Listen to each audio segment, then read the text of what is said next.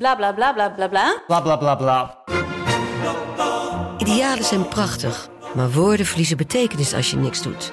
Dus laten we met z'n allen wat minder praten en meer doen. Bij Agmea zijn wij vast begonnen. Zo gaan wij voor minder verkeersslachtoffers, gezonde werknemers en duurzame woningen. Waar ga jij voor? Kijk op www.werkenbijagmea.nl Hey, ik snap dat je je podcast wil luisteren, dus ik zal het kort houden. Want als jij het belangrijk vindt om duurzame keuzes te maken, kan ASR misschien helpen. Nou hoor ik je denken, hoe dan? Nou, bijvoorbeeld bij het duurzaam herstellen van schade. Of de premies die we beleggen volgens ons duurzaam beleggingsbeleid. Dat bepaalt waar we wel en juist niet in investeren. Wil je meer weten over welke duurzame keuzes ASR maakt? Ga dan naar asr.nl slash duurzame keuzes. ASR doet het. Zo, dan kan je nu lekker naar je podcast luisteren.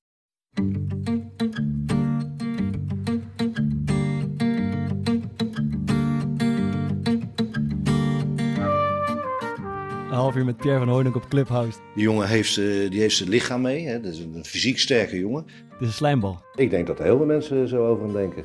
Zo, het zo- wel, maar ja. Ja, ik vind dat hij veel kwaliteit heeft. Ah, Ik denk dat dit wel een voorbeeld is van een trainer waarbij mijn ha- nekharen echt recht overeind gaan staan.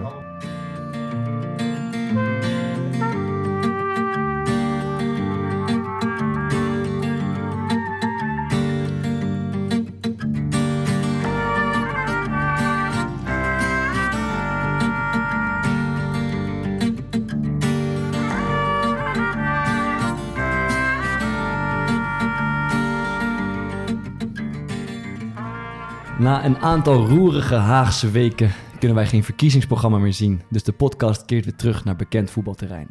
Maar niet voordat we nog heel even nabeschouwen. Bijvoorbeeld met de vraag: hoe kregen wij al die lijsttrekkers zover om aan te schuiven bij ons?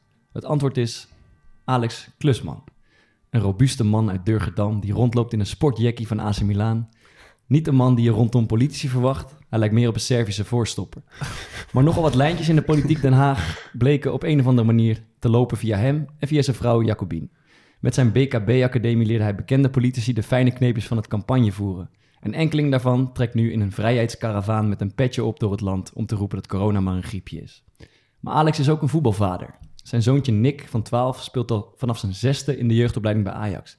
Vanaf zijn zesde? Hoe zinvol is dat? En hoe gezond is dat eigenlijk? Dat en meer bespreken we vandaag in de Core Podcast.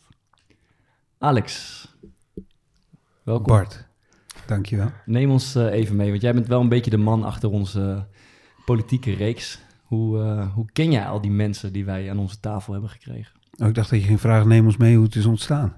Nee, hoe ik die mensen ken. Ik eh, loop al heel lang mee in Politiek Den Haag. Ik ben mijn, mijn werkzame leven eigenlijk begonnen in de eh, campagne van Wim Kok in 1998. En sindsdien heel veel met... Ik weet het nog goed. Hoe oud was je toen? Drie. Heb jij, heb jij dat kwartje bedacht? Nee, later. Eh, nee, maar eh, dus vanaf die tijd ben ik al met campagnes in Nederland bezig. En eh, je zei het zelf net al in je inleiding met die BKB-academie... hebben we inmiddels al heel wat eh, campagnevoerders... maar ook eh, kandidaten, lijsttrekkers... eh, maar ook journalisten, weet ik veel wat, allemaal eh, op een of andere manier opgeleid. Wie is het meest bijgebleven? Van al die mensen in de academie of van Ja. ook in de tijd... eh, eh, ja, dat zo... Wil je echt dat ik namen noem? Dan zou ik. Alexander Klupping zeggen. Geen, geen politicus, eh, ondernemer, van, internetondernemer. van heet ondernemer, hij? ja, Ja. ja. Die is me bijgebleven omdat hij zo'n waanzinnige ehm, aanmeldingsbrief had geschreven. En daarna ook nog nadat... Dat vindt hij heel vervelend dat ik dit ga vertellen. Maar zijn brief was heel mooi, die zei ik je besparen. Maar ik weet nog dat hij toen... En dat is al lang geleden bij ons kantoor langskwam voor een, voor een kennismakingsgesprek. Of die zou worden toegelaten. En toen kwam hij binnen en wij waren toen net als kantoor helemaal overgestapt op Apple. Dus we hadden alleen maar Apple eh, eh, monitoren, laptop staan. En hij kwam binnen en zei, oh, maar dit is een soort droom. En toen eh, was hij weg en toen stuurde hij mij nog een mailtje. Zo van, nou, bedankt voor het kennismakingsgesprek. En eh, wat een vet kantoor hebben jullie. En weet je, had alles, alles slim gedaan. Het is een slijmbal. Ja, het is een beetje een slijmbal. Of een hele slimme jongen. Weet hoe het, hoe het vak werkt. Eh, verbaasde jou, jou het eigenlijk dat al die gasten bij ons met zoveel gemak aanschoven? Nee, totaal niet. Dat kan ook Nee, bijna niet, hè? Want wij, niet. wij met z'n drieën Maar- dachten van dit, ja, ik weet niet man, het is allemaal een beetje hoog gegrepen, maar Alex zeg maar die, ja, toen we het een van de eerste keer het over hadden, toen zei ja, ik kan die aan tafel krijgen en Baudet moet lukken en wij, wij wilden bijvoorbeeld graag Wilders, we wilden Rutte. Toen zei nou Rutte kan lastig worden, maar hey, dit, goede kans. Dus toen dachten wij, is een blaaskaak. gaat, gaat nooit lukken. dat? En ja, niet, niet, ja, dachten we. Ja. Maar toen ineens twee, eh, een week later, Baudet toegezegd, Azarkan toegezegd, Klaver had in eerste instantie toegezegd. Dus Ja, maar dat heeft uiteindelijk, vind ik, niet zo heel veel te maken met mijn contacten of zo. Het heeft echt met, met jullie en met het, het concept te maken wat jullie proberen te doen. ja, met Bart ook denk ik veel. Ja. Maar ze hadden toch nog nooit geluisterd naar ons? Nee, maar het idee dat eh, drie voetballers, drie profvoetballers, de moeite nemen eh, om op hun eigen terrein, dus in een voetbalkleedkamer of in een skybox of langs het veld, eh, een uur lang met een politicus van gedachten te wisselen over zijn of haar campagne. Dat is iets waar, waar ze in Politiek Den Haag om staan te springen. Waarom deed Jesse Klaver eigenlijk niet mee? Ik heb, ik heb geen idee. Dat vind ik echt heel teleurstellend. Want hij was, dat weten jullie, een van de eerste die volgens mij toezegt. Ja. Vond het onwijs mooi. Had nog wel eens eis dat het in de arena moest, in de Johan Cruijff Arena moest plaatsvinden. Wat we niet konden waarmaken. Maar dat was, op een gegeven moment werden we ineens gebeld dat hij eh, toch niet kon. Dat hij een veel te volle agenda had. Ik weet niet of het nou echt die agenda was of dat er toch iets anders achter stak. Dat hij toch misschien, eh, dat hij het misschien wel op waarde inschatte. En Maar geloof, je niet dat hij echt een volle agenda had? Want dat ging toen Ja, hij over die avondklok nee, en, die, en die rellen. En Hij had kwam- ongetwijfeld een volle agenda. Maar weet je, dat had ook eh, Laurens Dassen van Volt had ook een volle agenda. Maar die dat idee wel- had ik dus helemaal niet. Want die kwam dus rustig de dag gewoon voor de verkiezingen. Ongeveer de spannendste dag van heel zijn Ja, maar leven. ik kwam kwam hij niet- rustig even met de Maar, trein naar maar de Rotterdam. dag, de dag Ja, maar ik daarvoor kwam hij niet echt heel rustig, want hij stuurde natuurlijk een appje van ik heb de trein gemist Ja. en ik kom te laat. En, eh, en toen hebben we hem nog uiteindelijk weten op te halen en eh, naar ons toe kunnen Dat, brengen. Dat vond ik misschien wel het meest soort van surrealistische Wat? beeld. Dat, dat dan een, een, een lijsttrekker van een nieuwe partij... en het was iemand die ging zo goed als zeker zetels halen... Ja, dat dat hij dan de, avond daarvoor dan naar ons toe kwam op het kasteel. Ja. met, hij werd uiteindelijk hij met, met Neil van Afkikken mee, maar... Wie zeker geen haast had, was Farid Azarkan trouwens. Daar hebben we eerst ongeveer drie kwartier mee staan voetballen buiten. Daarna hebben we denk ik tweeënhalf uur, bijna drie uur zitten opnemen. Daarna gingen we nog even nabeschouwen. Toen zat hij een uur later nog een half uur met Pierre van Hooydonk op Clubhouse over de podcast te praten. Hij zei ook, bij de, tijd hij zei van ook toen we nog een beetje aan het lullen waren... daarna heeft hij denk ik al vier keer gezegd van... hey boys, we moeten nu echt gaan man, we moeten morgen vroeg op. En dan zei oké, had je afscheid genomen... en dan kwam er iemand anders tegen, de- een deurtje Ja. verder... en dan stond hij daar bleef maar weer... gaan. Hij bleef Ja, ook hij maar echt niet weg te eh, krijgen. Dat opnemen was ook niet normaal, man. Hij was echt lang verstopt. Ja. Maar goed, is dat... eh, Maar zijn rap was wel weer heel goed, hè? Ja, vond ik echt Die keihard. rap. vond ik ook leuk, ja. Farid fucking Azarkan. Ja. Dieptepuntje van de, van de reeks.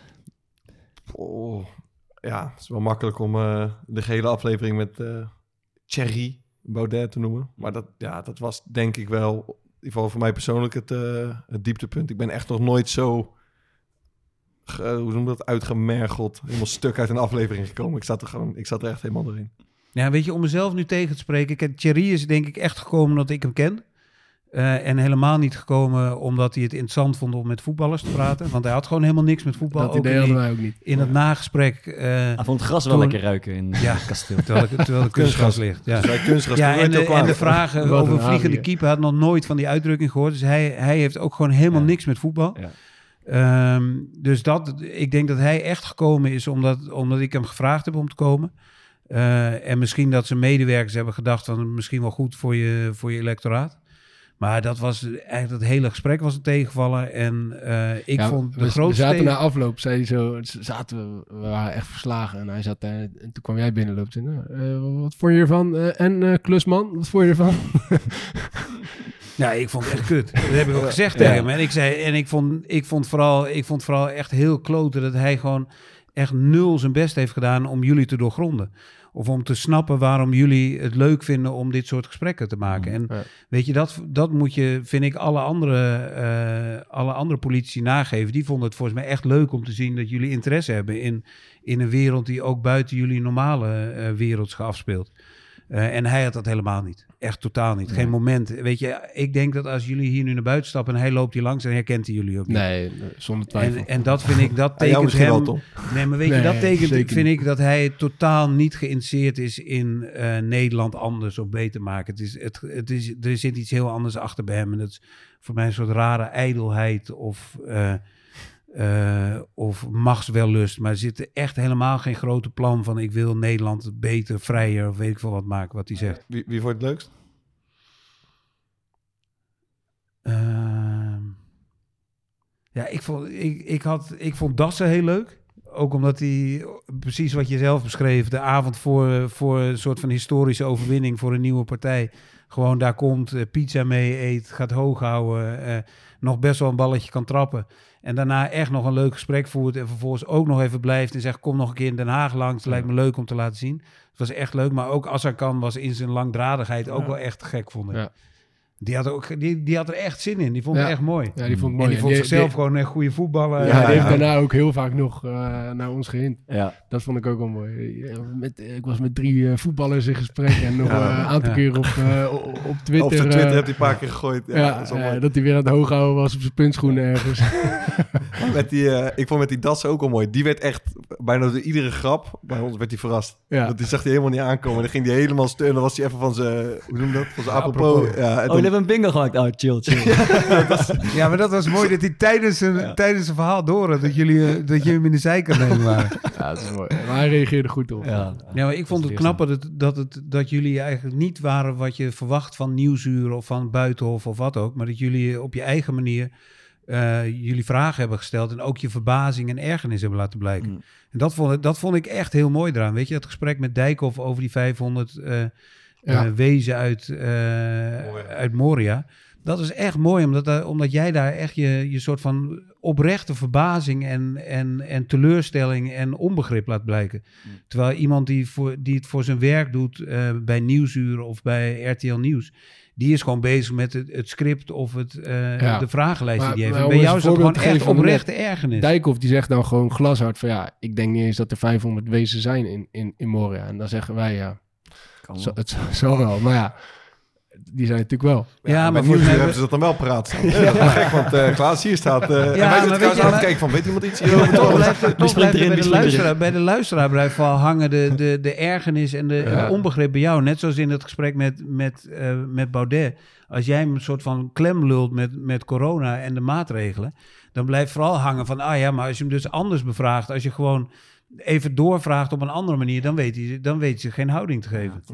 Ja, dat is ook denk ik wel lastig voor bijvoorbeeld Nieuwsuur of van die standaard politieke programma's. Daar moet je iets van neutraal zijn. Ja, En dat hadden wij natuurlijk helemaal niet. Bijvoorbeeld met Baudet. Ik werd, gewoon, ik werd echt kwaad op een gegeven moment. Mm. Dus ik was helemaal niet meer bezig met hele goede vragen stellen, maar gewoon alleen maar mijn eigen punt zeg maar erdoor drukken richting. En je eigen emotie onderdrukken. Ja, mijn eigen soort, dat ook. Ja, dat is dus dingen wat, wat bij... ehm was wel mooi geweest als ik echt zo'n woede aan had. Ja, eh, ja, ja. zoals de training. training. Dat ik wat tegen die tafel was gaan schoppen of zo, met dingen gooien. Dat, dat ik iemand, waarschuw je één keer. Ja, dat had ik geweldig gevonden. Iemand de column van eh, Hans Wiegel gelezen toevallig? Sa, die was goed, hè? Nee. In de Telegraaf, hè? Ja. ik heb hem nog niet gelezen. Ah, die moet je echt, ik ga hem wel op Twitter zetten. Dat, ik heb met Bart een tijdje terug over. Toen zei Bart nog van, ik heb het idee met van die columnisten. Ja, dat is ook moeilijk, want dan moet je iedere week weer wat te vertellen hebben. En ja, dan ga je ook meer uitgesproken zijn of iets. Maar hij heeft gewoon een soort van hele slechte samenvatting gegeven van de verkiezingsuitslag. Ik kreeg, ik, kreeg vandaag, ik kreeg vandaag een appje van een vriend. D66 heeft meer Ja. steeds gehad. Goed gedaan. Ja. VVD is ongeveer hetzelfde Oeh, gebleven. we moeten niet Ja. links. Nou, dat is niet zo goed gegaan. Dat vind ik niet zo erg. Eh, en dan gaat hij daarna naar rechts. Nou ja, ehm, eh, hoe heet die, die eh, Eerdmans, goed gedaan. Wat, en dan, Veel dat is- succes. En dat Ja, ja, dan zegt hij dat Telegraaf dan toch? Ja, en dan zegt hij op het eind, nou, formateurs, lastige klus, veel succes. ja, dat kan. Daar krijg je gewoon voor betaald. Hè? Lekker man. Wiegel. Dat gaat dus ook langs een hoofdredactie die dat dan ook allemaal prima vinden. Die durven dan niet tegen hem te zeggen. Van, Dus het is te weinig ik weet het niet, Hans. Ja, ja, en om toch nog even over die, die politieke serie, om Bart nog wat credits te geven, want jullie zitten hem altijd af te zeiken natuurlijk. Is die, die intro's die hij schrijft, die zijn het gek, hè? Die hij schrijft. Die, wat? Of schrijf jij die altijd? Nee, ik niet. die Nee, intro's zijn- schrijft die. Ja, die intro's doet Bart wel vaak zelf. Maar ik, ik, Nee, maar je ziet dat dat wel, die, die, ik weet dat je het heel vervelend vindt dat ik hem nu complimenten Nee, zeker, maar je ziet dat die, die politici, die zijn eigenlijk een beetje uit het veld geslagen erdoor, omdat die niet verwachten dat er zoiets gaat komen. En die zijn dan even een soort van onbeschermd, of Ja. hoe noem je dat? Off guard. Ja, en, de- en hij zet ook wel een bepaalde toon. Ja. zit vaak even een sneer Die in. zijn Dat- echt mooi. Maar wat Thomas, wat bij ons gewoon heel erg snijdt, is dat we dan met z'n drieën heel erg voorbereiden. en dan komen er allemaal goede vragen uit. En hij hoest, Bart hoest al die vragen op, maar ook echt met zo'n uitstraling van. Dit bedenk ik net. ja, dan zit ik denk, er gaat Van Hazen vragen, er gaat Fokker vragen. Ja, maar, De beste metafoortjes, die, eh, die jat ik. En het- en het slechtste laat ik voor jou liggen. ja. ja, en dan zeg je ook van, je had nog een of andere metafoor met YouTube vertellen. me. Ja, die, en dan sta ik dan kom ik er weer niet uit. Zo. Oh, ja. Ah ja, goed. Nee, het is je gegund, Bart. Jij, jij moet je brood met, nog mee verdienen. Ja, ik ook als het even kan. Ik weet niet. Nou ja, nu we even om het politieke blokje af te sluiten, denk ik dat we het Easy Toys voorspel, voorspelspel even naar voren moeten halen.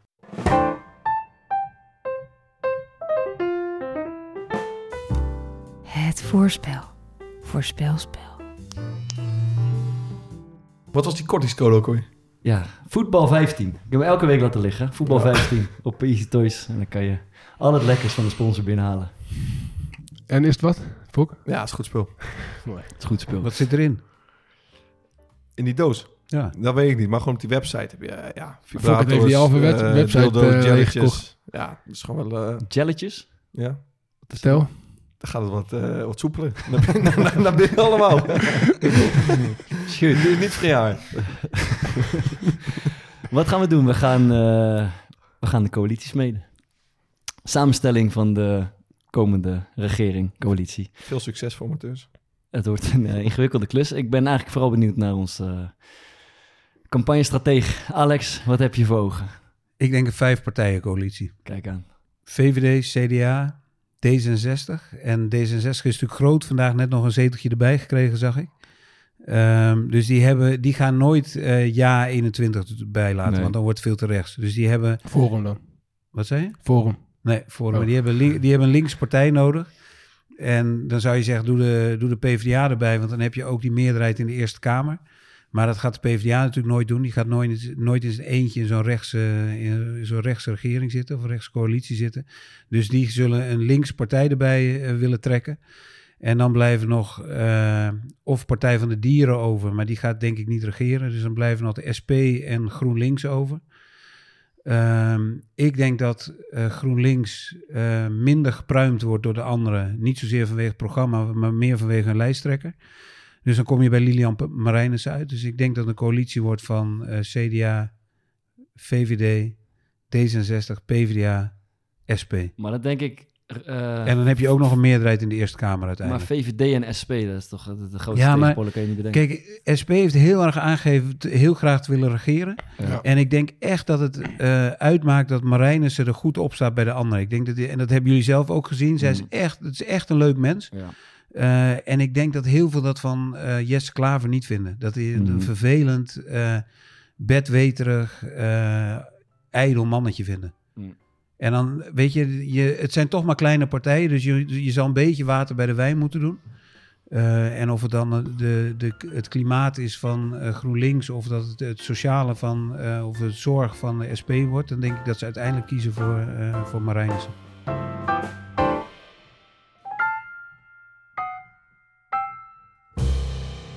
Ehm, ik denk dat we dit eh, een keer mogen afsluiten en we gaan het weer over, over voetbal hebben.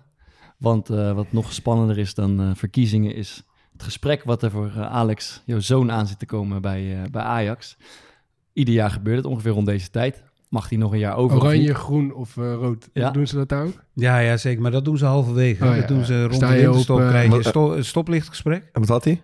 Eh, groen. Met een eh, oranje randje, zeggen ze dan. Hoe, eh, want je, je zoontje, is- even schetsen waar- het over gaat. Je zoontje is 12 jaar, toch, Nick? Ja. En eh, hij speelt al zes jaar in de jeugdopleiding bij Ja. Ajax. Hoe, hoe, ziet een, eh, hoe ziet het leven van een jongen van 12 in de, eh in de, jeugdopleiding van de BVO Het schema een beetje waar hij zich aan Oh, heeft dat is best wel een heftig schema. Mhm. Dat is eh, een schema van vier keer in de... Als, zullen, we het even, zullen we het even doen alsof het geen pandemie is? En hoe het is Ja. als er geen corona is? Dan Ja. is het...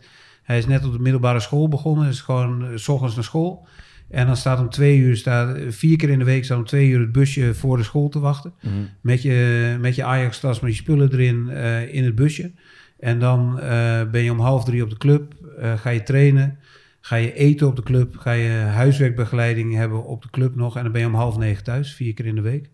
En dan op zaterdag wedstrijd. En dan heel veel jongens hebben op zondag nog hun eigen trainingen ook nog. Bij, voetbalschool. bij een voetbalacademie of voetbalschool. Dat doen ze uit eigen beweging. uit eigen beweging. Maar wordt eh, eigenlijk stiekem toch wel een beetje gestimuleerd ook vanuit de club. Ja? Van, nou, niet zozeer van je moet een voetbalschool hebben, maar er wordt wel gezegd van, weet je, er wordt altijd gezegd van, ja, weet je wel hoeveel Ronaldo, hoeveel tijd die erin stak. Ja, ik, ik vind dat zo krankzinnig. Want we hadden dan nu net eventjes over... Nee, je zegt dan zo'n voetbalschool.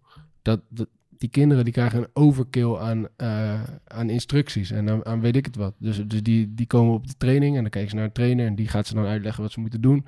Dan, gaan ze, dan zijn ze eindelijk vrij. En dan gaan ze op zondag gaan ze ook weer bij een trainer die nou ja, eh, niemand weet wa- waarom die het zo goed weet vaak. Maar die gaat dan een soort van uitleggen hoe je dingen moet doen. Mhm. Terwijl ik vind, ja, ten eerste, je gaat dan een uurtje bij een voetbalschool trainen. Of misschien anderhalf uur.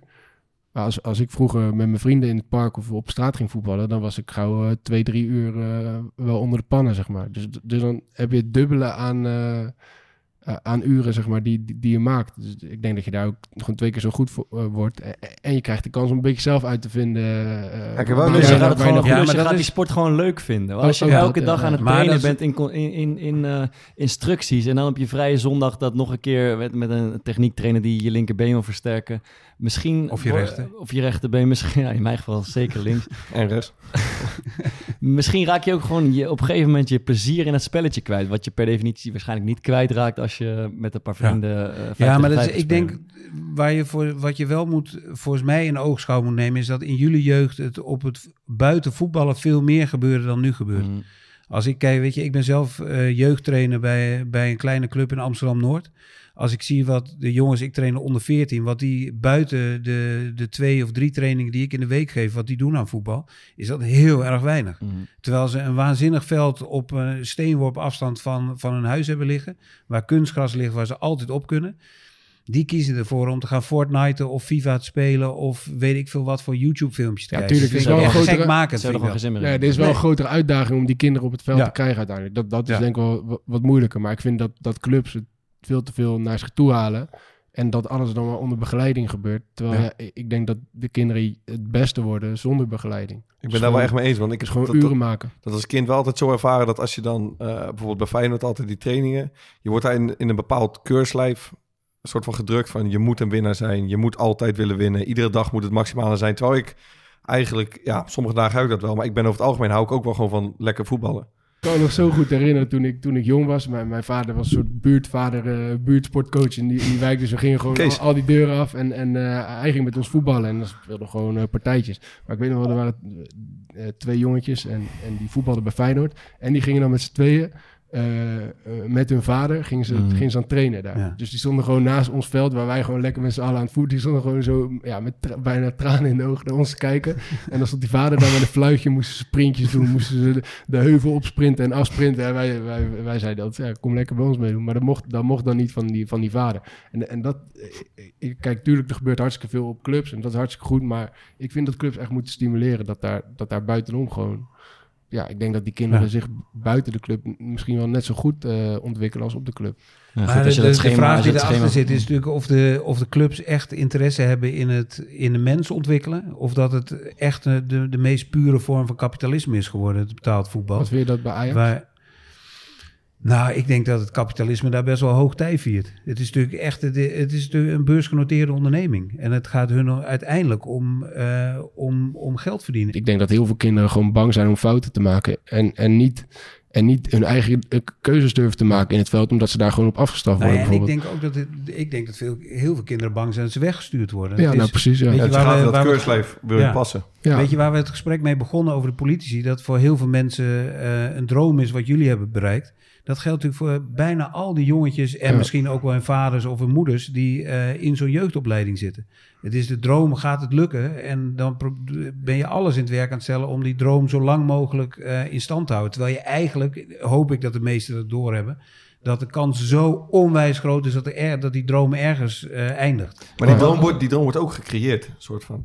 Want Ja, ja, wel, die wordt ging dat- er werd- Er werd ja. heel de dag daar werd naar de Kuip geweest en Ja. dan weg, daar moet je naartoe. En ja, ik wil dat wel profvoetballer worden, maar ik kan me ook best wel voorstellen dat veel gasten ja, ook gewoon heel leuk vonden om te spelen en er goed in Ja. waren, maar niet heel bewust bezig waren met... Nee, die droom wordt gecultiveerd. Maar Ja. om even de andere kant van de, van de medaille te tonen. eh, mijn Nick, mijn zoontje, die, was, die is net lang, echt lang geblesseerd geweest. Of last van groeipijnen. Ik weet niet of je dat een blessure noemt. Maar in ieder geval last van groeipijnen. Waardoor hij volgens mij zeven weken niet getraind he- heeft.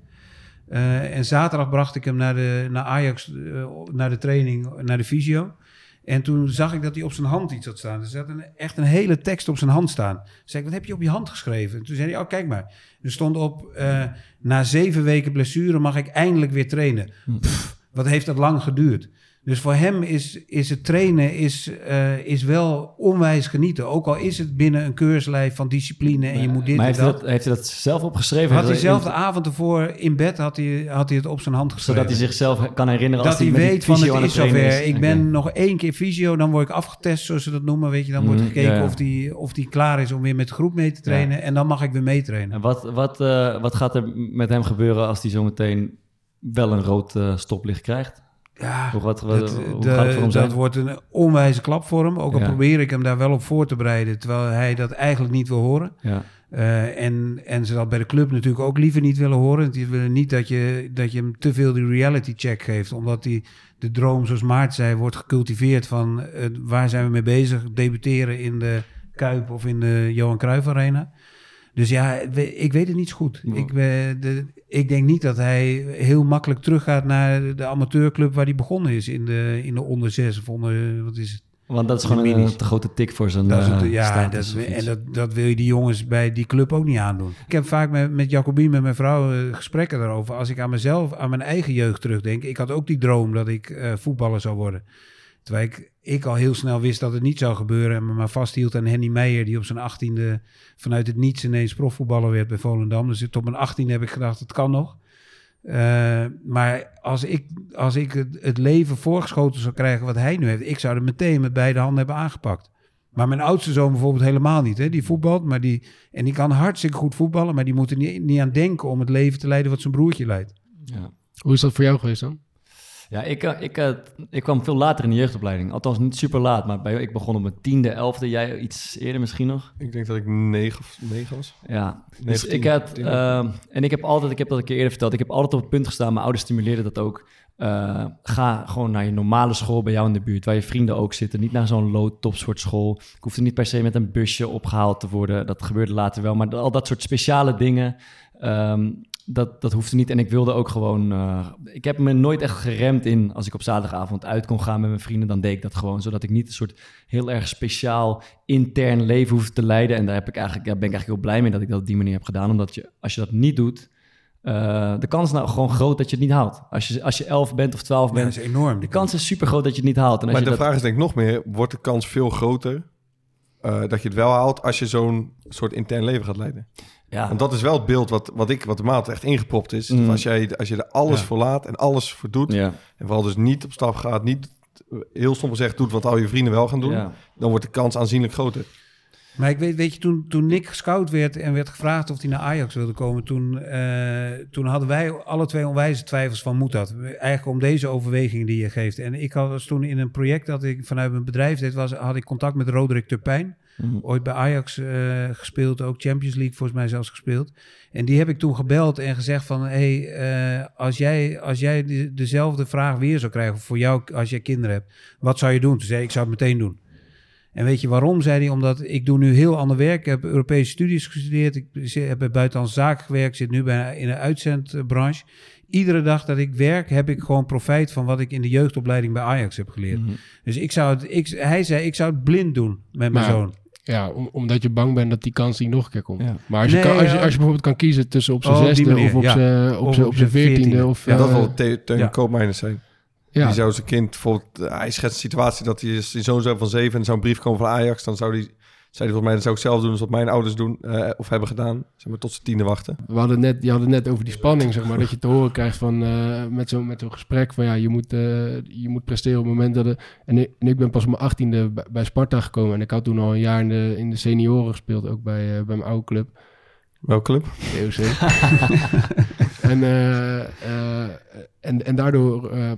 eh, en ik had al een jaartje gestudeerd, dus ik, ik, ja, ik vond het geweldig. Eh, Het was gewoon mijn kans om, om profvoetballer te worden. Maar ik had niet het idee van, ja, als, ik wist altijd wel van, ja, als ik het nu niet haal, ja, dan ga ik gewoon, gewoon weer lekker studeren. Dus dat is prima. Dus ik, ik kan me ook helemaal niet herinneren dat ik zenuwachtig was voor die gesprek of zo. Had ook wel een keerzijde, want we speelden iedere zaterdag. En, en op donderdag ging ik dan gewoon met mijn vrienden ook nog steeds de, de stad in. Dus het sloeg eigenlijk helemaal nergens op. Als ik dat vergelijk met de jongens van 18 die toen doorkwamen, zeg maar, toen ik in het eerste zat, toen dacht ik, zit zo'n groot verschil in volwassenheid. eh, maar ik wist het gewoon niet. Ik kwam gewoon uit een, uit een wereld waar Ja. het allemaal normaal was. Maar had, jij niet liever, eh, had jij niet liever eh, op je twaalfde in de Nou, ze- gezeten? ik, ik weet nog wel dat, dat ik toen zo'n eh, gesprek had. En Ja. dat, dat de hoofdopleiding, Richard Grootschool, tegen me zei van... ja, we, we balen echt dat we je niet eh, twee jaar eerder tegen zijn gekomen. Want, dan, want, je, want je ontwikkelt als een, als een komeet. En, Ja. Ja. Maar ja, dit is, ja, we weten niet of, of, het, eh, of het goed genoeg is. Dus Ja. ja, dan zit je wel te denken van... ja, dat is wel, dat is wel balen. Ja, het is, eh, mij is het heel eigenlijk was het, eigenlijk was was net te laat geweest. Ja. Maar ja, aan de andere kant denk ik ook van... ja, ik had die jaren in principe ook niet willen missen. En zonder die jaren was ik ook niet zo goed geworden. Dus ja... Het is ook wel onderdeel van het, eh, van het spel. En daar hadden we het net over. Of je als mens en, en, en voetballer, of je dat los van elkaar kan Ja. koppelen. En, en dat denk ik, oprecht denk ik dat niet. Want ik heb als mens buiten voetbal heel veel geleerd. En dat heb ik op het veld, eh, op, op een gegeven moment eh, kon ik dat gebruiken. Zonder nu de voorvechter te willen zijn hoor, van, vroege jeugdopleiding. Maar ik denk dat juist door, doordat je in de maatschappij waarin we nu leven... in, in, een, eh, in zo'n jeugdopleiding van een betaald voetbalorganisatie leer je ook weer hele andere dingen die we in de samenleving waar we nu in zitten niet leren. Dus als ik weer even mijn, mijn eigen team bij DRC in Amsterdam-Noord eh, erbij halen... Eh, dat zijn jongens die allemaal in, een, in best wel een bepaalde bubbel eh, opgroeien. Weet je, Mhm. hun, hun, eerst een lagere school, dan een middelbare school, waar allemaal hetzelfde soort type jongens zitten. En dan die voetbalclub ook nog. En dan komen ze alleen op zaterdag, als ze ineens naar een, naar een club in diep Amsterdam-West gaan, komen ze en zeggen: Oeh, dit is eng. Terwijl als ik dan het team van Nick zie, waar echt alle kleuren van de regenboog, alle soorten en maten, ook sociaal-economisch bij elkaar zitten, is super interessant. Ja, is het- echt voor hem is, is zo anders dan eh, voor andere jongens. Helemaal mee eens. Maar kan je daar niet dan veel meer uithalen op, op, op het moment dat je daar als, als eh, jeugdopleiding ook op gaat begeleiden, zeg maar? Dat je, Oh ja, eh, zeker. Maar ik denk want dat als je, als je er alleen maar spanning op gooit en je Ja, gooit de nee, druk op, dan denk ik dat, eens. weet ik, vraag ik me af Ja. of je daar, Nee, dat- je daar niet meer, veel meer uit kan halen. zeg Ja, Ja, ik maar kan- dan, dan, dan gooi je het wel heel erg op alleen die spanning die erop wordt gezet. Want weet je, ze, ik denk dat ze ook wel heel veel, heel veel plezier met elkaar hebben. Ja. Onwijs leuke dingen doen met elkaar. Eh, heel veel van elkaar leren van al die verschillende culturen en afkomsten die ze hebben. En eh, nou, als, je, als je dan vervolgens open kijkt wat Nick al heeft meegemaakt aan toernooien waar hij naartoe Ja. is Ja, geweest. weet je, met, met hun groepje naar Marseille of naar Londen en spelen tegen City, tegen Arsenal, tegen Bayern München. Weet je, dat is, ik, ja, ik ga als vader ook nog eens met heel veel plezier mee naar die toernooien. Mhm. Ik, geniet, ik geniet me helemaal gek daar langs. Ja, kant. dat, dat Ja, is ik kan, wel- dat, ik kan het wel beamen, want eh, het gaat dan wel vaak over bijvoorbeeld die druk, druk die bij die gesprekken kwam kijken. Maar eh, ik was dan negen en dan moest je dus eh, uit school snel naar huis toe. Nou, dan moest ik mijn voetbaltas, ik deed dat dan eh, ze- zelf inpakken. En als je bij Feyenoord, als je je spullen niet bij had, nou, dan was je, echt- was je echt goed de sigaar. Er werd op gehamerd dat je alles... eh, je moest je sokken bij hebben, je moest dit, het moest netjes, het moest schoon zijn. Je schoenen moesten schoon zijn. Nou, mijn ouders, die vonden het prima, maar ik moest dat wel gewoon eh, allemaal zelf doen. En dat zijn wel tools als eh, een, hoe zeg een bepaalde eh, vorm van verantwoordelijkheid en dat je zelfredzaam bent. Als ik naar jongeren nu kijk, dan zijn dat soms eens dingen die, die heel erg lijken te missen. Dat je een beetje, ook al in de jeugdopleiding, omdat het steeds luxe wordt, dat ze een Ja. beetje gepamperd worden. Dat was bij ons helemaal niet. Dus ik deed dingen bijvoorbeeld toen ik tien was, die mijn broer en zus bijvoorbeeld, die wat meer zeg maar, uit mijn dorp kwamen en dan in het dorpje verderop naar school gingen, misschien pas vijf of zes jaar later deden. Dus dat zijn wel hele waardevolle dingen. ineens als je jong... het- Maar- ik word maar- bijna de aanrader van de week. Maar ik moet ineens heel erg denken aan het boek De, de Renner van Tim Krabbe. Een soort van de bijbel voor iedere wielrenner is dat. Mhm. En Tim Krabbe, die zelf heel goed kan fietsen ook, maar ook heel mooi kan schrijven. Die schrijft in het boek echt een waanzinnig passage dat hij dan s ochtends heel vroeg is opgestaan, helemaal in zijn tenue, helemaal gesoigneerd en dan door een Frans dorpje fietst. En dan ziet hij mensen op een terrasje zitten. En dan kijkt hij daarnaar en dan mijmert hij de, over de volledige leegheid van hun bestaan.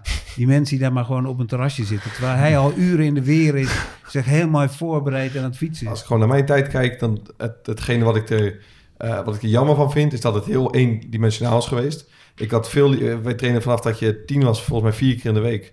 Eh, wat ze nooit ruimte, als ging na school gingen mijn vriendjes voetballen in de voetbalkooi. Nou, daar, daar was geen ruimte voor, want je moest weg. Er was geen ruimte om andere sporten te doen. Eh, dat werd zelfs afgeraden. Dat, dat, dat mocht gewoon niet van Feyenoord. Ehm, dus ik denk dat daar heel veel eh, ehm, verbeterd kan worden. En dingen ook heel anders gedaan hadden kunnen worden... Waar, waar ik dan meer profijt van had gehad. Maar als ik gewoon kijk naar hoe het me als persoon gevormd heeft, die periode... en dat is niet altijd leuk geweest. Er hebben hele moeilijke dingen bij gezeten. Maar daar, als persoon heeft het me wel op een hele positieve manier gevormd. Ja. Ik heb dat ook hoor. Als je, die, die kleedkamer heeft ook van jongs af aan ook heel veel voordelen. En zeker dat multiculturele. Ik kom ook gewoon uit een redelijk witte buurt. Een eh, redelijk veilige, eensgezinde bubbel. BNN-buurtje.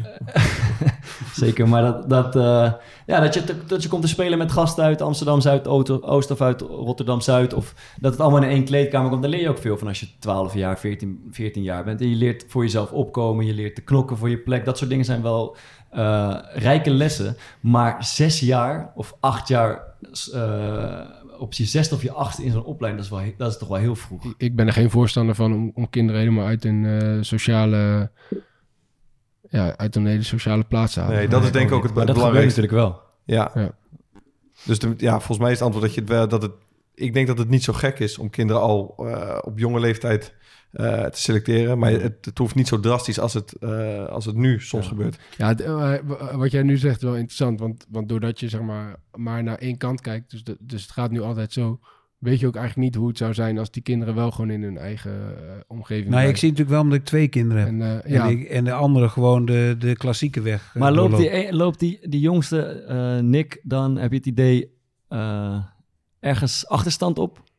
Op sociaal gebied, omdat hij al zo vroeg bij Ajax in de omgeving zat, of juist een voorsprong? Hoe, zie je dat als je het vergelijkt met je andere denk, zoon? Ja, ik denk op, op, verschil- op verschillende gebieden. Op de, ene, op de ene terrein loop je voorsprong op wat, wat Maarten zegt over hoe je, hoe je jezelf voorbereidt, hoe je bezig bent, hoe je gedisciplineerd Mhm. bent, hoe je weet dat als je geblesseerd bent, dat je ijs op je knie doet en eh, gaat ijsen en, en naar de fysio gaat. Mhm. Eh, en hoe je op toernooien gaat en hoe je, hoe je netjes mensen handen schudt, eh, groet, weet ik veel wat allemaal. Er zitten, zitten ook echt heel veel positieve dingen Ja. aan. En op andere, weet je, op meer sociaal vlak, hoe ga je met meisjes om en zo. Daar is de, de andere is wel een stukje verder. Kun jij hem dat niet leren? Nee, ik was er ook heel slecht in. Maar is, is het eigenlijk niet een eh, soort van kwalijke zaak dat we naar kinderen van zes of zeven kijken met het idee, deze moeten we opleiden. Dus moeten we beter maken. Je moet- Zou het niet gewoon, ja, ik zit, nu met, ik zit nu zelf een beetje te denken. Ja, jullie denken veel te veel. Dat is. Ja. eh, Ja, maar dat is toch eigenlijk, dat is toch eigenlijk, dat is toch eigenlijk raar? Ja, het gaat gewoon spelen. Ga Ja, je gaat dus bij voetballen. Feyenoord of Ajax, die hebben dus hele teams erop zitten. En mensen van, we hebben je kinderen van 6, 7. Nou, die zouden, ik denk als we die nu goed bij elkaar gooien, daar kan wel eens wat uitkomen Ik, ik heb vandaag heel veel gebeld met de jeugdcoördinator van Sparta, Piotr. Die heeft, eh, die, zij hebben dat ongeveer uitgerekend voor Sparta, maar ook voor de rest van Nederland. Ongeveer 5% van de spelers die in die onderbouw zitten, redt eh, het betaald voetbal. Dan hebben we het altijd over jong Sparta. Dat is best veel, 5%. toch? Ja, dat vind ik ook best wel veel. 1 op de 20 spelers.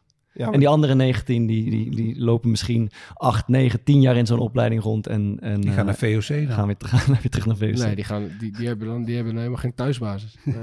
Dus dat, Maar- dat is, ja. Ja. Maar als je toch met cijfers aan het goochelen bent. Ik sprak de head of coaches van, eh, van, van, van, van Manchester City. Ik dacht dat jij Eh, baas doet. boven baas. Dan Ja, moet ik een beetje eh, op, op hetzelfde niveau blijven. Maar die, die vertelde dat ehm, als je bijvoorbeeld keek naar het, het, eh, het laatste EK, volgens mij van de drie eh halffinalisten, Ja. was een heel groot ehm, eh, deel van de spelers die eh, op het veld stond, die zaten al vanaf hun zesde of zo in een, bij, eh, bij een BVO. Ja. En hij schetst het beeld, hij heeft bij Feyenoord gewerkt, bij Anderlecht, bij eh, City nu en heeft bij veel clubs meegekeken, dat alle topclubs, ehm, eh, die doen dat, omdat het gewoon eh, misschien niet in de breedte, dat het, wat de percentage wat jij net noemt, Ja. dat er heel veel spelers doorstromen, maar dat is veel van de echte toppers. ja, dus degene die het halen zijn ook gelijk echt steengoed. Ja, volgens mij was, eh, als ik hem goed begrepen heb, en anders krijg ik een boos appje als je dit zit terug te luisteren.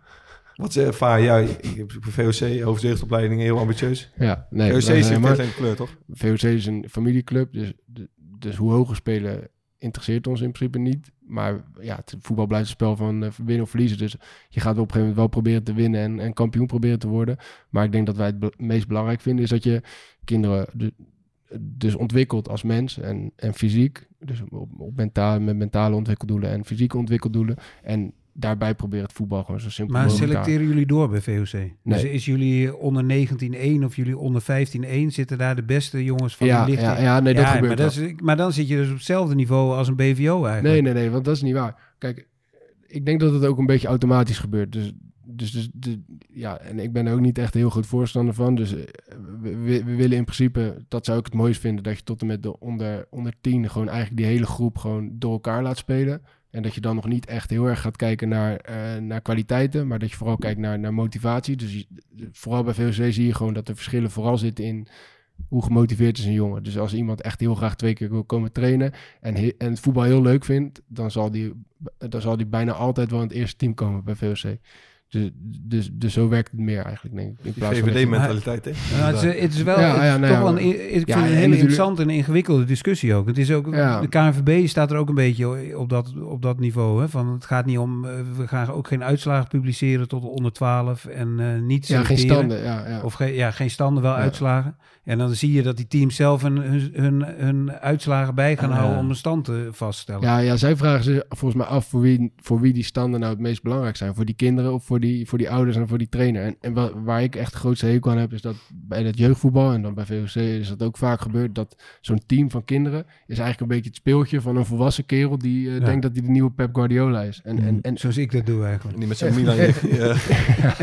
ja, nee, maar, ja, maar, maar, dan, maar dan gaan mijn nekharen echt... eh, Ja. Ik, ik gaf vorig jaar ook training, aan onder 15-1 was dat. En dan kwam ik, kwam ik trainers tegen die helemaal netjes in, in trainingspak... en die lieten hun, hun, eh, die kinderen allemaal netjes eh, de, de perfecte warming-up doen... paas en trap oefeningetje en, eh, en weet ik het wat. En dan denk ik van, ja, voor, voor wie ben je nou bezig? Ben je voor jezelf bezig of, of ben je ervoor aan het zorgen Ja. dat die... Ik vind dat bij VOC die kinderen gewoon de tijd van hun leven moeten hebben. En of ze dan goed leren voetballen, dat Dus is moet het van dan? zwaar onder, ondergeschikt belang. Laat ze lekker spelen en, eh Maar, en maken maar dat is een hele van. andere insteek dan, Mm. eh, dan bij profclubs. Want, Mm. want, Ja. die, want daar zit ook nog wel een bepaald belang achter, wat ook prestatief is. En dat, Ja. dat hebben wij in principe Maar, veel toch minder. even Alex, want jij stuurde zelf van de week een filmpje door van, eh, van jouw zoontje die een vlog maakt voor Ajax. En hij is geloof ik acht of negen jaar op die video. En ik hoor hem daar wel zeggen tegen jouw vrouw Jacobien dat hij, eh, dat hij met buikpijn van de zenuwen naar, dat, naar de training gaat, naar Ja. Ajax gaat. Ja. Dan denk ik, ja, dat is blijkbaar ook de druk die die club eh, hem oplegt. En is Nou dat ja, dan, kijk- zo, is dat dan zo- zo'n goede ontwikkeling? Nou ja, hij ging ook met buikpijn naar eh, de wedstrijd van de minis bij. DRC. Dus, het hij- zegt meer je, over zijn het karakter het dan over meer over zijn karakter. Toen, toen hij in de mini speelde, dus Mhm. toen was hij vijf of vier. Dan viel die flauw als hij een tegendoelpunt kreeg. Dus er zit bij hem, en ik weet niet waar, ik denk dat hij het van, van zijn moeder heeft, niet van Mhm. mij. Maar er zit bij hem zo'n onwijze prestatiedrang in, Mhm. of een wil om te winnen. Ja. En hij kan, hij kan zo slecht deze verlies. Ja. Dat hebben jullie volgens mij ook wel last van. Nee, Maar- Jij helemaal niet, Maarten. Maar de- dus ik weet niet, volgens mij niet. is dat niet eh, clubafhankelijk. Oké, want zo, zo deed het wel voor. ja, zo lijkt het in, dat, in filmpje lijkt het zo. Alsof Ja. die clubs, die Ja. spelertjes zoveel Ja, druk maar het is, het, het is denk, maar het is wel iets wat, wat eh, denk ik, heb hier geen harde cijfers voor, maar wat, Ik kan gewoon roepen, cijfers kan je gewoon ja, het roepen boeit hier, ook allemaal niet. Hè. Wat veel, eh, de, de IFF is eh, 0,2. nee, wat, eh, wat, wat veel kinderen raakt, want ik heb jongens eh, met wie ik bij Feyenoord heb gespeeld, met wie ik nog steeds omga, eh, waarvan ik altijd dacht van zo, die, ja, die, die zitten er lekker in. En Ja. die hebben, waar ik last van heb qua zenuwen, die hebben daar geen last van. Ja. En als we daar, eh, wij, wij hadden toen die aflevering over zelfvertrouwen en faalangst. En die bellen die dan op, sturen een bericht van, hé, hey, tering man, ik zweer het, precies hetzelfde. Ja, ja, ja, ja. Ja. Dus er zijn gewoon heel veel jongens die buikpijn Ja. hadden op school. Ja. Of Ja. die op, ehm, eh, op toernooi eh, eigenlijk stiekem blij waren als ze geblesseerd raakten. Ja. Of noem maar op, ik had bij, helemaal in de, in de jongere jaren, werkte ik gewoon heel het jaar naar de zomervakantie toe. Ja. En dat zijn denk ik wel... Zodat het erop, zodat het erop ja, staat. want dan wist je uit, ik, ik, uit je, weet ik, voor zes of zeven weken vrij en was Ja. even geen spanning. Ja. Ja. Maar dat, dat vind ik echt belangrijk, dat je als club, dat je daar meer aandacht aan gaat besteden. Ja. Ja, Eh, omdat dat ook gewoon... Er zijn tegenwoordig hartstikke goede mental coaches. En de, ik heb dat later ook geleerd met best wel eh, simpele dingen. Als je het maar vaak genoeg herhaalt en als je je, je inzicht een beetje verandert... kan je daar hartstikke goed mee omgaan. Waardoor je plezier gewoon veel groter wordt. Ja. Ja. ja en ik, ik, eh, dat sluit wel een beetje bij op aan. Want ik, ik vraag net te zeggen dat, dat bij zo'n club als VOC... dat het ook extreem belangrijk is dat een soort van klimaat eh, wordt gecreëerd... waarin eh, jongens zich, of en meisjes zich veilig voelen... Ja. En, en echt zichzelf kunnen zijn, zeg maar. Maar, dan, maar daar zit ik wel echt mijn grote vraagtekens bij, bij, bij profclubs. En ik denk dat daar ook grotendeels die, dat gebrek aan zelfvertrouwen van- vandaan komt. Dat, dat, dat er gewoon geen veilige omgeving Nee. eh, gecreëerd ik wordt. maar, maar wat doet Ajax? eh, Ja, ik vind dat je bij Ajax, maar ik zie ook wel bij andere clubs in de omgeving, dus bij AZ en Volendam, dat er wel een echt een nieuwe lichting jonge trainers komt, die, die daar echt wel veel, veel meer oog voor heeft dan de oude garde, volgens mij. Mm. Ja, en, eh, maar we kunnen het hier volgens mij nog uren over Mm. hebben. Ik vind wat, wat Thomas zegt echt interessant over bij VOC ook en over chaos en laat ze maar gaan. Ja.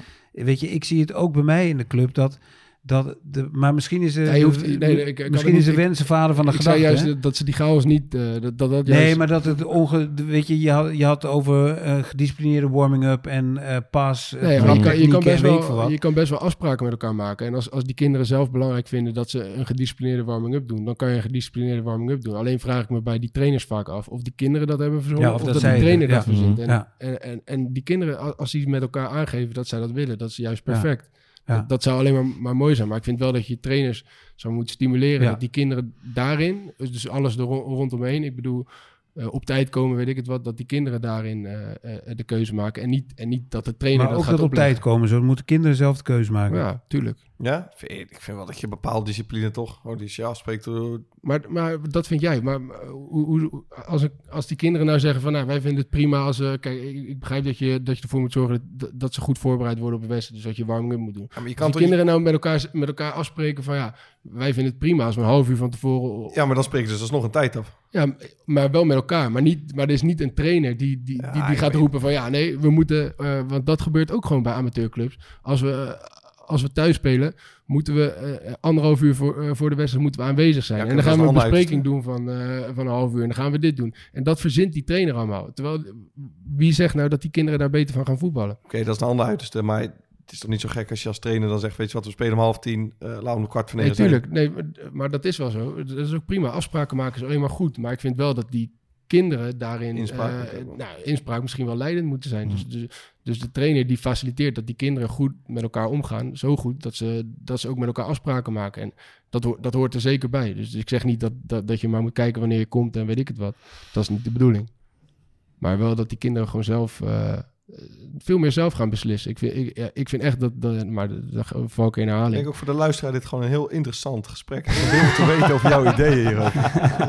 Ja, maar jullie vragen ook niet aan mij, wat wil je nou weten? Ja, jij vraagt nooit aan die kinderen, hoe voel je je? Wat Ja, wil je nou echt van mij weten? Hoe laat ik aanwezig wil zijn? Het wordt eh, erg hoog tijd voor eh, het interviewtje van de week. We hebben het al lang niet gedaan, denk ik, maar de, dit pareltje konden we de luisteraar en onszelf niet onthouden. Hendrik de Jong, de headcoach van FC Platinum. Heb je het gezien, eh, Alex? Zeker. Waar komt FC Platinum ook weer Ik heb vandaan? Geen idee. Oh, dit is Zimbabwe. Zimbabwe. Ja, Zimbabwe. Zimbabwe. Ja. Nou ja, als het eh Jiskevet was, dan had je het ook geloofd. Maar we gaan toch even kijken naar eh, Hendrik de Jong. Only in one word was een voetbalshow. We showed today football. From the second, from the first to second until the last moment. We played very well. We started very aggressief. High pressure. Create a lot of chances. Highlanders had total no answer on the way how we did the football. Uh, first half 2-0 was zelfs possible een higher score. Uh, second half, same. Lot of control, lot of possibilities for uh, a dirt goal. Uh, yeah, I'm happy. It's the right way for football to play.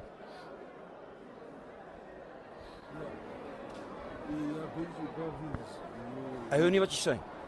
Dus uh, I can no answer give als je not uh, that clear English uh, speak. Ik denk dat dit wel een voorbeeld is van een trainer waarbij mijn nekharen echt recht overeind Ik vind het allermooiste dat, Pep dat Guardiola van Zimbabwe. Ja. Ja. dat Gucci-jekje op de achtergrond. Dat, geweldig, dat, kijk, ik kan Wouter Burger denken. Is die echt... Engels Ik alsjeblieft. denk het wel. ja, dan komen het nog mooi. Lekker man, Hendrik de Jong. Hé, hey, maar eh, Alex, waarom wordt eh Wout Weghorst nou niet eh, uitgenodigd voor Nederlands elftal? Ja, jij wilde wat over zeggen, heb ik het idee. Ik heb wel eens gehoord dat hij niet zo heel lekker in de groep lag bij alle Ah. clubs waar hij... Ja, ik kan eerlijk zeggen, het is een lul, in, zeg jij. in ieder geval een aantal jaar geleden, als je zo rondom de voetbalwereld een beetje om je heen vroeg van, ah, welke speler heb je nou echt de pleurishekel? Dan zeiden zeven van de tien spelers eh, Wout Weghorst. Ja, echt waar? maar dat, dat, Maar nou ja, ik zou als trainer ook wel, als hij dan niet, niet eh 100% zeker een basisplaats heeft, dan, eh, dan zou ik ook wel... Maar Jij kan- zou aan maar- de, aan de groep vragen wat ze ervan vinden. ja. Dat doe je bij VOC. Jij- jij zou- ook. nee, Ja, nee, nee, zo nee, even nee, sturen, nee, moeten nee, we nee, weghorsten nee, mee nee, of niet? nee, Ja, nee, dat heb je net zelf je moet, je, moet, je moet jeugdvoetbal niet gaan verwarren met, eh Ah, met, seniorvoetbal. Maar wanneer, wanneer verandert dat op een achttiende? Nee, nee, ja, op een gegeven moment eh, de- dan heb je ze zo opgeleid dat dat automatisch gebeurt. Dus, dus dan, hoef je niet, eh, dan hoef je dat niet meer te vragen. Maar nee, ja, ik denk dat het sowieso niet slecht Maar is zou om, eh, Wout Weghorst een grote bek hebben bij het Nederlands elftal? Ja, weet ik niet. Dat kan, me me ook echt- niet kan me voorstellen. zo moeilijk voorstellen. ik denk ook Je niet wordt dat toch hij, uitgelachen dan? Heb je tegen Virgil in durven gaan? Als hij erbij is? Virgil? Van Dijk? Ja, wel Virgil Oh, van je Dijk. moet de achternaam doen. Sorry. Sorry, ja. Vriend, vriend van Neil Pearson. Ik wist niet dat Neil Petersen hier aan tafel zat. Nee, maar toch als, als zo'n... eh, la- la- laten we zeggen dat Depay naar binnen komt... en die kan hem dan afleggen op Weghorst... en hij doet dat niet... dan gaat die Weghorst toch niet uit je stekken tegen Depay. Nee, ja, maar, maar, maar daarom ben je toch ook geen lul? Ik bedoel, dat gebeurt toch allemaal buiten? Dat gebeurt er niet op het veld? Ik denk dat bij... Ja, oké. Nee, de, klootzak buiten het veld. Ja, ik, ik, ik, Ja, jullie ik heb zeggen dat wel eens gehoord. Ja, ik weet het niet. De Thomas... eh, ik, ik ken hem Nee, niet ik heb- persoonlijk, ik dus heb- ik kan, niet, ik kan niet over oordelen. Klopt. Maar ik, ik, ik, ik, heb, nog, ik heb nog nooit eh, een positief verhaal over hem gehoord, dan? eerlijk gezegd. Ja, weet ik, heb geen idee. Eh, Zijn zijn uitstraling, eh, ik heb geen flauw idee. Ik heb geen flauw idee. Ik vond overigens, ik las een best een interessant verhaal over eh, Steven Berghuis bij eh, Feyenoord. Die ook eh, onuitstaanbaar blijkt te zijn op de training. Hè? Dat hij alle ballen naar zich toe trekt. En, Ik heb vanmiddag bedacht, daar moeten wij mee opnemen, aan Steven Berghuis. ja, En dan over klootzakken slash ja, winnaarsmentaliteit. ik ben wel benieuwd naar. Wat, Dus als iemand van Feyenoord luistert, tikken we, van zijn mouw. Ja, is goed. Moet te doen zijn. Misschien Corpot. Ja, nee, het zit overal behalve hier. Zat nou bij VI bij een of andere lijst. Mocht geen, mocht geen media doen, zei hij. Oh ja. Zat nou weer bij de VI. Prima. die, die, die zet hem af na, dat, eh, na de intro. Die luistert alleen de intro. Ja, als hij, Als hij zelf is als geweest. zichzelf wordt. Goed, eh, aanraders eh, om mee af te sluiten. Eh, zal ik beginnen? Want ik ben bang dat jij hem anders eh, dat ik voor jou wegmaai. Want ik heb deze namelijk eigenlijk een beetje van jou, Alex. Namelijk de achtdelige podcast Renegades, Born in the USA. Ja, hij is echt goed. Hij is goed. Dus voor wie nog een podcast eh, een beetje ruimte over heeft, dan is dit eh, de moeite waard. Het gaat over een gesprek tussen twee verrassende vrienden. Bruce Springsteen en Barack Obama. Eh, en die in acht delen met elkaar praten. Zijn Hele, vrienden? Of gewoon voor deze ja, serie ik zijn ze kreeg het gevoel dat ze wel bevriend met elkaar waren. De ene is rockster Ja, ja, en de andere is president. Maar Maar leuk, waren ze ook vrienden geweest als ze niet bekend waren? Dat, eh, dat, dat, dat sluit ik niet uit. Nee, gewoon, nee, eh, zeker niet. nee, natuurlijk Als elkaar gewoon- als elkaar gewoon in de fabriek eh, tegen... Ja, nee, oké, maar... Nee, maar dan, want daar gaat hij... Als, eh, Als ze gaat met z'n tweeën in de jeugdopleiding van VOC zou zitten. Wat? Eh, nee, dan wel, denk Ja. ik. Nee, maar die, die podcast gaat Mag natuurlijk Obama deel over hun verschillende achtergronden. Ja. En waarom ze elkaar eigenlijk anders niet waren tegengekomen. Dat, het gaat heel veel over ras ook. Ja, En over muziek. Over, zeker over muziek. En eh, Bruce Springsteen pakte af en toe nog eens eh, gitaar erbij om een liedje te spelen. Af en toe wordt er een speech van Obama eh, eh, doorheen ge- gedraaid. En dat is natuurlijk allebei geweldige sprekers. Dus het is echt eh, de moeite waard. Zeker de derde aflevering moet je, als je wil, instromen. Die gaat vooral over muziek. Thomas, je gaat het denk ik mooi vinden. Dus, eh, Dan is het wel eh, meer van mijn leeftijdscategorie. Ja, het het is is- echt hele slow, uit. slow radio is het. Ah, het is vet. Dat is eh, Renegades, Born in the USA heet het. Ik eh, kwam deze week langs een, eh, een stukje van... Eh, boek? Nee. ja. Nee, geen boek. Ja, ik, ik kan het niet meer bijhouden. Ik heb, ben er al mijn boek heen. nee, langs een stukje van eh, Peter Heerschop. Ehm, ja, het is een beetje een triest bericht, maar zijn, eh, zijn moeder is overleden. En hij eh, deed op de radio daar een, een, een, verhaaltje over. Ehm, en ja, je ziet nog wel eens eh, als er iemand overlijdt en mensen doen daar dan een ode aan die persoon, dat er dan toch een soort van ja, een mooi beeld wordt geschetst van ja, de tijd is rijp en het moet zo zijn en het is goed zo en je laat iets achter. Ehm, en ja, ik kan. Ik heb mijn oma is overleden, maar nog niemand in mijn hele naaste omgeving. Dus ik, ik, ik ja, niet zeggen dat ik er benieuwd naar ben, maar ik vraag me gewoon heel erg af hoe dat, eh, hoe, dat is en zo, hoe, Mm. hoe zo je zou voelen. En eh, ja, hij, hij vertelt het op een hele ja, soort confronterende manier. Hoe, die dan, hoe dat op hem binnenkomt. Dat zijn moeder is overleden en die is al oud. eh, hartstikke oud zelfs. En zijn zus belt hem dan met dat nieuws. En hij neemt je gewoon mee zeg maar, in zijn gedachten daarover. En dat hij dan naar zijn moeder toe gaat om haar weer voor het eerst te zien. Op het moment dat ze al overleden is. En wat dat met hem doet. En ja, ik, ik kreeg er echt kippenvel van. Ik vond het, een, het was confronterend, maar het was hartstikke mooi. Klopt. Ik heb een stukje uit eh Matthijs eh, Draait Door. Eh, vorige week eh, zat Herman van Veen daar. En eh, ja, hij is wel een van mijn eh, favoriete, favoriete artiesten. Ik, eh, ik ga vaak naar zijn, eh, naar zijn eh, theatershows. Maar eh, hij zat daar in, in het rubriekje eh, voor altijd jong. Elke, eh, elke week mooi, hè? Dat stukje. elke week mooi. Alleen Herman van Veen is eh, als artiest geweldig. Maar als je hem zeg maar, in een interview eh, zet, dan is er geen touw aan vast te knopen. Dat, dat, dat gaat van links naar rechts. En de, eh, ja, Bart's grote voorbeeld, de, de, de, de presentator des Vaderlands, die had het ook echt moeilijk. Die zat, die zat echt met zijn handen in het haar, want het, het, het liep niet echt. Maar toen vervolgens ging Herman van Veen, eh, nou, die ging dus muziek maken. En, eh, en dan zie je gewoon, dat, dat, is, e- dat is echt een bizarre... Dan is, toen zat Matthijs van Nieuwkerk in één keer weer op, op de tafel te genieten. Maar hij, hij Ja, ging vond je dat nummer... gesprek niet mooi? Ja, Ik vind theatraal, man, die eh, van Veen. eh, Die, die... Ik, ik, ik vind het wel mooi, maar eh, het staat echt in schril contrast bij wat hij doet zeg maar, als, eh, als muzikus. Als muzikus vind ik hem echt geweldig. En als ik hem dan hoor praten, denk ik van ja, het is wel een beetje moeilijk allemaal. Ja, maar ik, Ja. Maar ik, vond, ik, ik vind hem... Ik heb heel weinig met Herman van Veen, maar ik vond het echt onwijs mooi, dat gesprek. Ook, Ja. en het sluit een beetje bij Maarten aan. Het, het, ging ook, het ging best wel lang over de dood ook. En Ja, dat, ja. dat was echt mooi. Ja, hoe dat die- was wel een mooi hoe stuk. hij, ook hij, niet alleen Matthijs, maar ook Herman van Veen werd daar heel ongemakkelijk van. Omdat hij eigenlijk niet over wilde hebben. Omdat Ja. hij volgens mij het een ondraaglijke gedachte vond. Ja, ja, ja, dat Dus klopt. ik vond het echt wel een mooi gesprek. En eh, Ja. uiteindelijk die uitvoering was ook heel mooi die hij daar, eh, die ja, daar dus, bracht. dus dat is mijn tip. Hij, hij speelde Ja. uiteindelijk samen met eh, de meiden van eh O'Gene. En hij had een of andere uh, rapster erbij gehad. Ja. Loutje heette die. Ja. En, Loutje en, Lout. En, en, met die, en met die big band van Matthijs van Nieuwkerk speelde hij het nummer opzij. Nou, dat is een heel oud nummer. Maar eh, ja, ik vind dat zo mooi. Dat is ook een klein metafoortje met, eh, met voetbal maken, zeg maar. Je ziet dat hij enorm virtuoos is. Maar dat hij van alle, eh, van alle plekken waar het niet ver- verwacht, haalt hij muzikanten.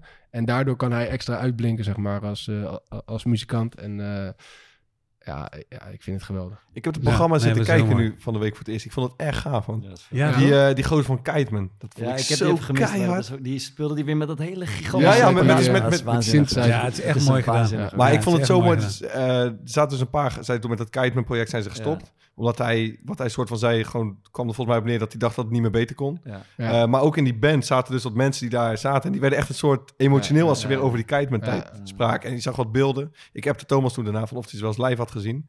Maar dat is, ik vond het echt, echt een Ja. gruwelijk programma. Ja, ja, eh, ja prachtig. Ja. Dus, ja. ja, ik ook nog. Mhm. Terwijl jij net het, je eh, kunnen verzinnen vol- nog? Ja, zeker. Ja, voor jou omdat je door je boeken heen bent. Zal ik toch maar een boek erin gooien? Ja, Thomas, kreeg, Thomas kreeg het even voor zijn verjaardag. White Man, ik Black. Nee, nee, het is een ander boek. Gaat wel over Afrika, over Zuid-Afrika. En ook over sport. Playing the Enemy van John Carlin. Is eh, uiteindelijk verfilmd in de film Invictus. En eh, vertelt het verhaal over hoe rugby in Zuid-Afrika... eh, en eigenlijk het nationale rugbyteam... en uiteindelijk de, de WK-titel die ze winnen... eh, een onwijs belangrijke rol in het, eh, in het helingsproces... of het, het verzoeningsproces in Zuid-Afrika speelt. En die, als je, je kan zeggen, ik heb de film al gezien, maar de film is echt veel en veel en veel minder dan het boek. Het boek is echt te gek hoe, hoe eh, daar wordt beschreven hoe Mandela, maar vooral ook die François Pinaar, de aanvoerder van het Zuid-Afrikaanse rugbyteam, eh, zo onwijs belangrijk is geweest om rugby, wat een hele witte sport is in Zuid-Afrika, toch eh, een gevoel van, van, van natie, natiebouw of na- nation building geeft in Zuid-Afrika. Dat ook zwarten ineens durven een, een rugby shirt te dragen. Het is echt een te gek boek. Mooi. Alex, dankjewel voor je komst en je bijdrage. En eh, je mag ook het eh, toetje verzorgen. Oude muziek? lullenmuziek, ja, tuurlijk man. Ja, maar het wordt geen oude lullenmuziek. Oké. Het is een nummer van Snelle, Ah, eh, Samen. Een, eh, een track die hij anderhalf jaar geleden heeft veel gemaakt. 15 jaar geluisterd in de auto. Nee, nee, nee, nee. Ik zal je vertellen waarom. Ik had afgelopen... boemer genoemd door Ik had afgelopen donderdag had ik een gesprek bij, eh, bij Veteranendag. Een project dat ik al heel lang doe en wat echt te gek is. En daar sprak ik een, eh, een veteraan, Luc Elshout, Afghanistan-veteraan en Irak-veteraan. En die heeft de echt meest afschuwelijke dingen meegemaakt in Afghanistan. En die heeft zijn verhaal aan Snelle verteld. En Snelle heeft daar een track over gemaakt samen. Die over kameraadschap gaat. En dat is, eh, ik vond het waanzinnig. En als, helemaal als je het verhaal van Luc erbij eh, denkt. Dat kunnen jullie niet bijdenken. Het nummer is dus niet. gebaseerd op zijn verhaal. Het, het nummer van Snelle is gebaseerd op het verhaal van Luc... die Oh, op een bermbom rijdt in Afghanistan. En echt, ik vond het te gek. Dankjewel. mooi. Alright. Eh dank voor het luisteren. En vergeet niet te abonneren op de Core Podcast. Op Twitter volgen. Volg op Twitter. En ik zag, ik zat toch heel even naar de hitlijst te kijken. We zijn de Jensen Show voorbij. Dat vind ik wel zo lekker. Tot volgende week. Ik had daarvoor altijd willen blijven met ze. En ik twijfel of we ooit betere tijden kennen. We blijven relativeren, niet overdrijven met ze. En ik wil niet eens dat mensen het begrijpen met ze. Die makers, ik word stil van ze. We hielden scars en heel weinig zorgen over. Ik moet nog steeds wennen aan geschreeuw van je. Maar lach je samen als laatst is het oor verdoven. Weinig dingen die me nu nog raken. Ook al spreken we nu minder, ik sta altijd naast je. Want ik ging door de hel op aarde, maar we gingen samen. Niet alleen herinneringen daar begraven. Ik denk nog elke dag aan toen, al is het jaren later. Want ik ging door de hel op aarde, maar we gingen samen met mijn kameraden.